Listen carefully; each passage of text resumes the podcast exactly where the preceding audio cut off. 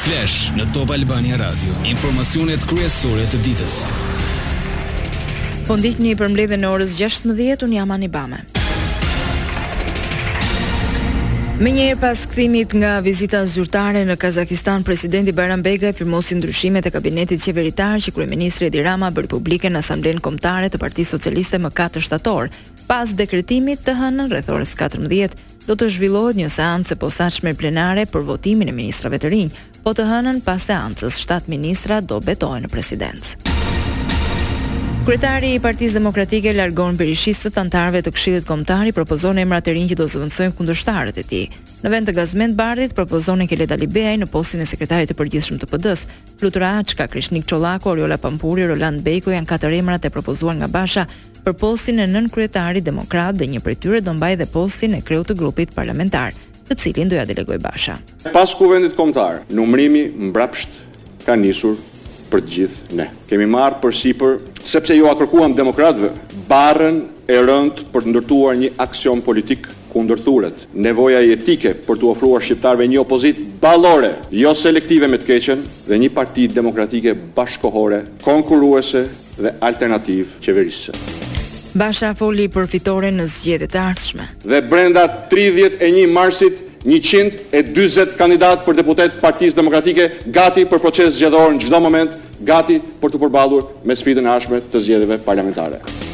Një koment Lulzim Basha e dha edhe për Kukësin. Ne respektuam vullnetin e degës Kukësit për të mos nxjerrë kandidat, sepse është edhe përgjegjësia jonë e të gjithëve bashkë që për një kohë të gjatë u morëm me luftën me njëri-tjetrin dhe jo me ringritjen dhe organizimin e partisë. Por kjo është hera e fundit që Partia Demokratike nuk ka kandidat në zgjedhje. Mbi dy milionë vizitorë të huaj janë regjistruar gjatë muajit gusht të këtij viti ose tetëmbëdhjetë për qind më shumë krahasuar me të njëjtën periudhë të një viti më parë, duke çuar në rreth shtatë pikë dy milionë, numrin e turistëve të huaj që kanë vizituar Shqipërinë në këto 8 muaj. Kjo shifër i afrohet rekordit prej 7.5 milion turistësh që u arrit në vitin 2022, viti më i mirë ndonjëherë në turizëm në bilanc shifrash. Gjatë vitit 2023 përveç shifrave të larta të vizitorëve Shqipëria përjetoi dhe një bum të promovimit mediatik botëror të potencialeve të saj turistike, deri tani shumë pak të zbuluara për botën.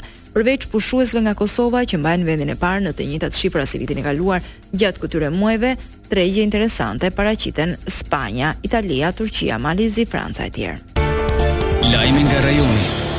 Deputeti i Lëvizjes Vetëvendosje Adnan Rrustemi thotë se takimi Kurti-Vuçiç do të fokusohet në planin e zbatimit të marrëveshjes bazë Kosovë-Serbi. Duhet një plan të qartë të balancuar të zbatimit të kësaj marrëveshje, që garanton që të gjitha pikat e kësaj marrëveshje, të gjitha obligimet që parasheh, respektimin e sovranitetit, integritetit territorial, vendosjen e marrëdhënieve diplomatike, njohjen e dokumenteve të Republikës Kosovës, të simboleve shtetërore, të gjitha duhet të parashihen dhe të kenë, le të themi, afatizim të qartë dhe veprime të qarta për t'u për t'u zbatuar.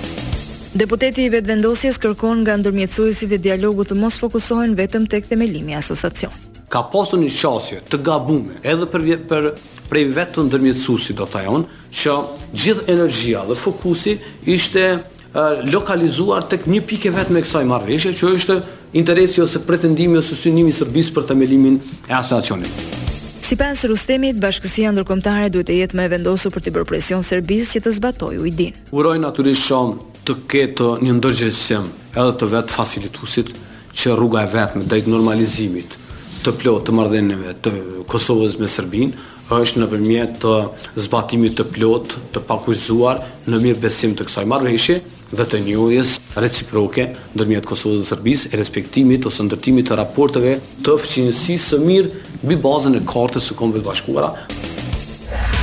Lajme nga bota. Bilanc i frikshëm viktimash nga tërmeti në Marok, të paktën 1100 viktima dhe mbi 700 të plagosur gjysma në gjendje të rëndë. Shumica e viktimave thuhet të jenë shkaktuar në zona të thella malore. Bilanci pritet të rritet më tej teksa vlerësohet se një e treta e vendit është prekur nga lëkundjet e tërmetit. Mund të duhen ditë para se grupet e kërkim-shpëtimit të mbërrijnë tek zonat e largëta që kanë kryesisht godina të vjetra. Imazhet që vijnë nga Marrakeshi, një qytet historik mjaft i frekuentuar nga turistët flasin për dëme të pallogaritshme nga tërmeti me magnitudë 6.8 ballë shkalla Richter, me godinat e shndërruara në pirg rrënojash. Shumë persona thuhet të kenë mbetur të bllokuar nën to, ndërsa spitalet po përjetojnë fluks të papërballueshëm të shtruarish. Finlanda ka aq shumë streha për bomba sa mund të shpëtojë pothuajse të gjithë popullsinë e saj. E nxitur nga pushtimi i vitit të kaluar i Ukrainës nga Rusia fqinje, vendi ka inventarizuar strehat ekzistuese të bombave dhe ka zbuluar se ka 50500 të tilla, njoftoi Ministria e Brendshme finlandeze. Finlanda iu bashkua Aleancës Ushtarake të NATO-s në muajin prill në një ndryshim historik në politikën e sigurisë, por është përgatitur për mundësinë e konfliktit me Rusinë për dekada të tëra. Sport. Kombëtarja shqiptare e futbollit do presë nesër Poloninë për ndeshjet kualifikuese të Euro 2024, sfidë që luhet duke nisur nga ora 20:45 minuta në stadiumin Air Albania. Në prag të këtij takimi Policia e Shtetit ka bërë publike përmes rrjeteve sociale masat që do merren, si dhe akset që do bllokohen duke nisur nga ora 15 ditën e diel. Kështu nuk do lejohet qarkullimi në asnjë prej rrugëve që të çojnë pranë stadiumit. Parashikimi i motit. Masat ajrore të qëndrueshme do diktojnë kushtet e motit dhe në vazhdim të ditës, duke bërë që ai të jetë nën nën dominimin e kthjellimeve kryesisht në ulësirën perëndimore. Ndërsa në zonat malore do ketë vranësira të lehta, sa i përket temperaturave luhaten në vlera ditore nga 13 në 35 gradë Celsius. Këtu kemi përfunduar edicioni i radhës së shënuar Kjo është Top Albania Radio.